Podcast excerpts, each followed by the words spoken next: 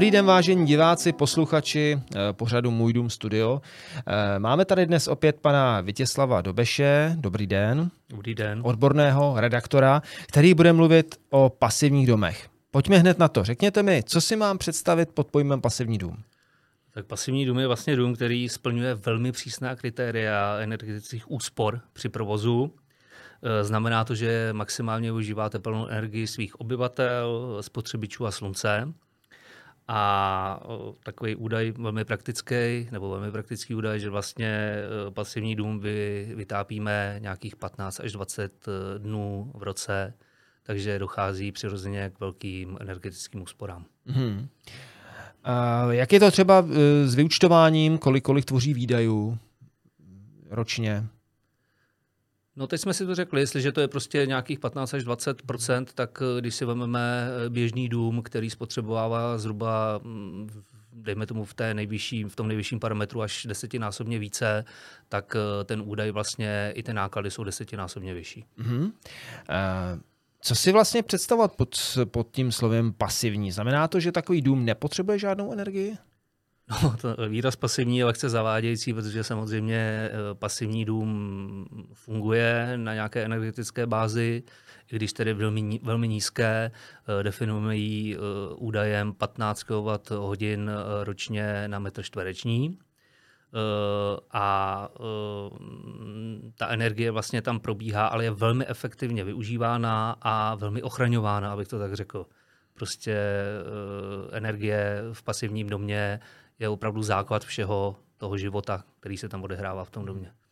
Je nějaká ideální orientace toho domu, kam by měl být orientovaný? Určitě, tak uh, asi to není nic překvapivého. Má být orientován na jich takový dům, uh, protože prostě světelné paprsky přichází z jihu, takže maximálně zefektivnit uh, ty paprsky, které do toho domu jdou. Musíme si říct i vlastně o oplášťování nebo vnějším plášti toho domu. Ten vnější plášť by měl být velmi pevný, těsný a vlastně e, nemělo by docházet k nějakým únikům toho tepla, kdy tedy e, opravdu to vlastně vycházíme opět z toho výrazu pasivní, držíme tam pasivně to teplo. Hmm. Někdy dochází k záměně pasivního domu a nulového domu. Jsou to stejné, jsou to stejné jako kategorie? Nejsou to stejné kategorie. Nulový dům je v podstatě jenom teoretický název, protože v praxi nic takového neexistuje. Nulový dům má spotřebu maximálně 5 eh, kWh na rok na metr čtvereční. My jsme si řekli, že nízko, eh, teda, eh, pardon, pasivní dům má těch 15, takže nulový dům má ještě o 10 méně kWh na metr čtvereční na rok, ale pořád to není prostě nulová hodnota. Mhm. Jaké je klima uprostřed nebo uvnitř pasivního domu? Ve velmi příjemném, přirozeném prostředí, kdy je přirozeně větráno, nedochází tam uh, k cirkulaci energie navíc, ani vzduchu navíc a zároveň vlastně uh, tam nejsou žádné plísně a podobně což si za chvilku asi řekneme o rekuperační jednotce. Pojďme rovnou na ní. Vysvětleme, co to je, protože pro spoustu lidí to může být strašák. Existují k tomu různé jakoby mýty. A tak pojďme si říct, co rekuperační jednotka je a proč je pro pasiv nezbytná. Tak eh, rekuperační jednotka je vlastně systém, který přivádí vzduch a pracuje s, eh, vlastně s teplem, které a s, vý, s vydýchanými plyny, které prostě obyvatelé domu vydýchávají. A ta rekuperační jednotka přivádí ten vzduch eh, zvenku, zároveň ho čistí od různých nečistot, bakterií a podobně a vlastně pracuje s tím teplem, jak jsem řekl, kdy, které vydýchávají ti lidé a tím pádem vlastně ten vzduch se přirozeně ohřívá a přirozeně rekuperuje. Mm-hmm. Znamená to, že největší výhoda pasivního domu tady spočívá v tom v jeho nízké spotřebě, dá se to tak říct? Dá se to tak říct, eh, nízká spotřeba je opravdu vlastně tí, tou prioritou, řekli jsme si pak o tom opláštění, to je taky důležité. A jak je to třeba, řekněte mi, z náklady na stavbu pasivu vůči nízkoenergetický domu, o kolik je, je ta cena může být vyšší, aspoň zhruba to zkusit odhadnout, a o kolik to zvyšuje pak cenu na realitním trhu, ten pasiv? Tak to je velmi zajímavá otázka, protože si myslím, že uh, udělám radost lidem, kteří třeba chtějí investovat, tak uh, začnu teda tou investicí.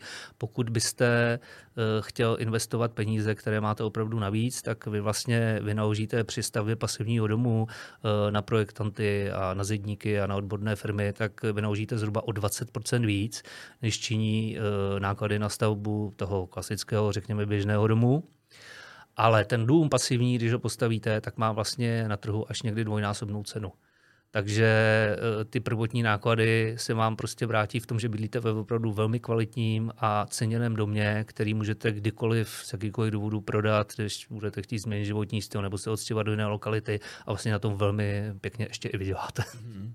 Lze nějak pasivní dům na dálku poznat? Je něčím rozpoznatelný dnes třeba v současnosti? tak samozřejmě záleží na tom, jaký máte vkus a jakého si zvolíte architekta, ale pokud si zvolíte prostě kvalifikovaného architekta, který rozumí své práci, tak byste vlastně pasivní dům ani neměl rozeznat od toho běžného. E, samozřejmě, mm, když to vezmeme v Měškově, čistě z vnějšího pohledu, tak e, ten, ten pasivní dům kolikrát může mít třeba fotovoltaiku na sobě a podobně, takže si řeknete, ano, to je moderní, hezký dům, ale čistě architektonicky se to vlastně v něčem dnes nemusí lišit. Záleží opravdu na konkrétním architektu. Takže ty doby, kdy pasiv byl nevzhledná kostka, už jsou pryč. Ty jsou opravdu definitivně naštěstí pryč. Uh, Pojďme si ještě říct, eh, jestli můžeme nějak, mluvíme tu o energetické bilanci, dokázali bychom říct taky nějaká čísla, která jsou pro ten pasiv podstatná?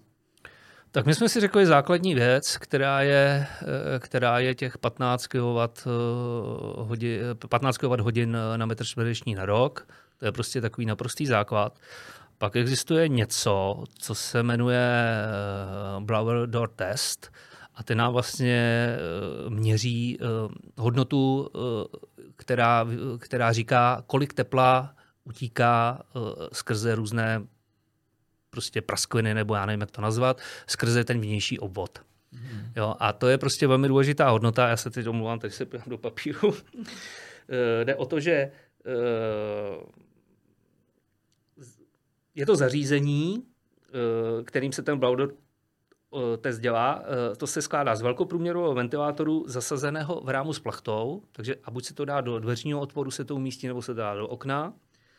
A uh, pomocí tohoto zařízení je vytvořen přetlak a podtlak, uh, kdy se vlastně měří uh, opravdu ten tlak, kterým to teplo uniká.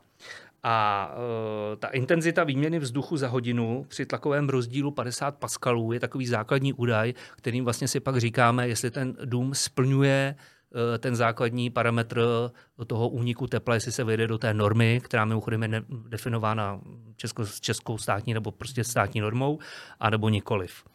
Uh, tam je důležité říct, že vlastně tenhle ten bla, uh, Blabber Door test je důležitý i z hlediska získání dotací zelená úsporám, protože pokud byste nesplnil tenhle ten test a dostal se se jakoby na tu hodnotu, která je maximálně povolená, tak tu dotaci nezískáte.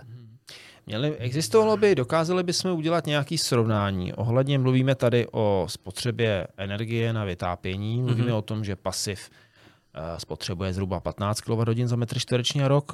Máme nějaké srovnání, kolik třeba spotřebují nízkoenergetické domy nebo staré domy, třeba postavené v 60., 70., 80. letech pro představu? Tak už to tady zaznělo. My jsme si řekli vlastně, že uh, jestliže, opakuji, jestliže pasivní dům má tu uh, maximální spotřebu 15 kWh na rok uh, na metr čtvereční, tak ten klasický dům se pohybuje až desetkrát výše, dejme tomu od 80 do těch 140-150 kWh. Ten nízkoenergetický dům by měl mít méně než 50 kWh za hodinu. A takové ty klasické staré domy, prostě 70. a 80. leta minulého století, která jste zmínil, tak ty jsou kolem 200 kWh hodin eh, na rok eh, a eh, metr čtvereční. Hmm. Na trhu jsou, jsou pořád ještě nejčastěji nabízeny nízkoenergetické domy. My jsme si řekli, v čem se liší v té energetické bilanci. Je něco ještě dalšího, v čem se třeba vůči těm pasivům jako liší?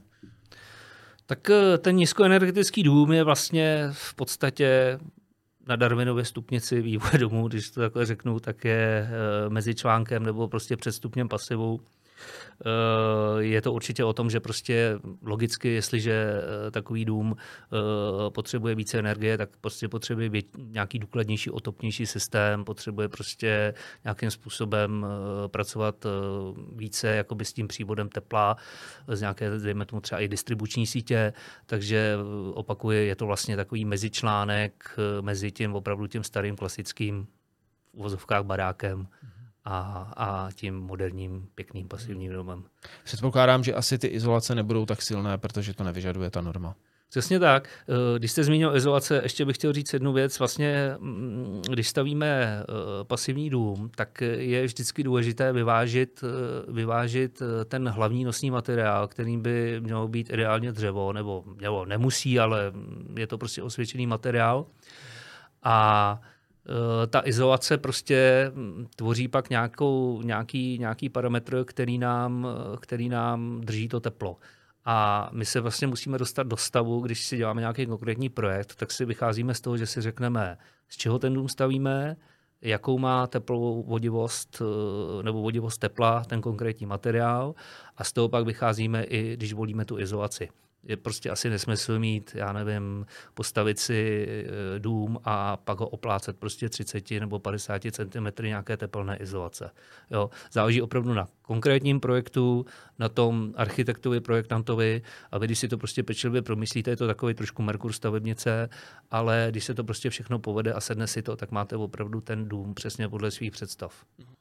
Dá se říct, že nějaký materiál pro stavu pasivního domu je prioritní, cihla versus dřevo, nebo je to jedno? Tak řekli jsme si, že eh, konstrukčně takový ten základ vlastně je nejlepší dřevo. Eh, můžeme se pak rozhodnout, jestli si zvolíme klasickou cihlu nebo vápenou pískovou cihlu. Ta vápenou písková cihla je takovým kompromisním materiálem, protože vlastně je velmi pevná, stabilní, unese i třeba pětipodlažní dům eh, podle výpočtu. Je to opravdu na každém. Důležité je, aby tedy ta izolace konstrukční stavba nebo ta konstrukce hlavní, to dřevo, aby prostě opravdu všechno do sebe zapadalo a všechno to drželo to teplo, o kterém jsme si říkali, že to je velmi důležité. U toho dřeva bych ještě zmínil jednu věc, e, nepotřebujeme u něj žádné velké základy, takže se vlastně vyhneme různým nákladům na hydroizolace nebo dejme tomu třeba proti radonovému záření. Eh, tohle to všechno eliminuje tím, že vlastně uděláme tu, tu stavbu jako lehkou konstrukčně nadzemní, ale opakuji, pokud použijeme tu vápenou pískovcovou cihlu, tak vlastně získáváme velmi stabilní celek i bez těch základů. Mm-hmm. A jaké je bydlení v pasivním domě? Vyžaduje nějaký speciální režim, eh, který třeba nízkoenergetické domy nevyžadují? Třeba je to tak, že se tam nesmí větr, nesmí otevřít okno v pasivu? V pasivu můžeme větrát. Je to poměrně takový mýtus, že se nesmí větrát, ale není to prostě pravda. Přirovnal by to ke klimatizaci, kdy máme napsáno, že jo, neutvírejte okna, pokud klimatizace běží, tak tady to prostě neplatí takhle.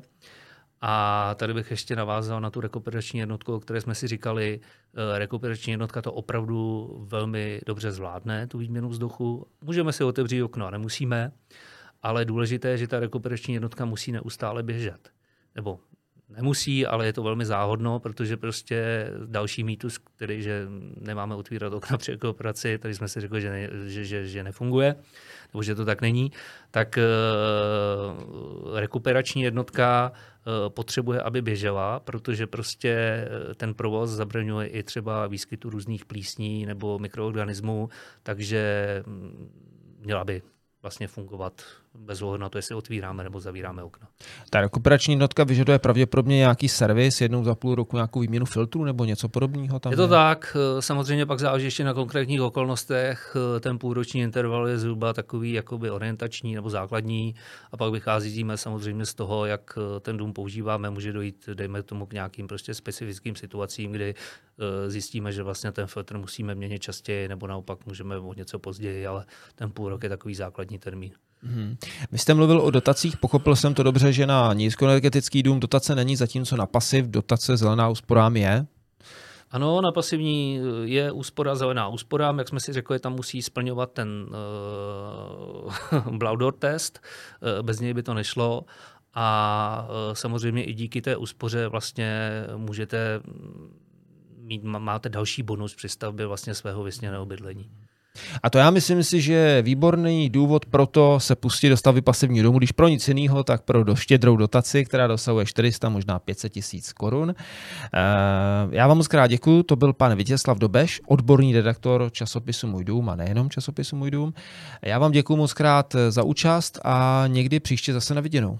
Já děkuji, nashledanou.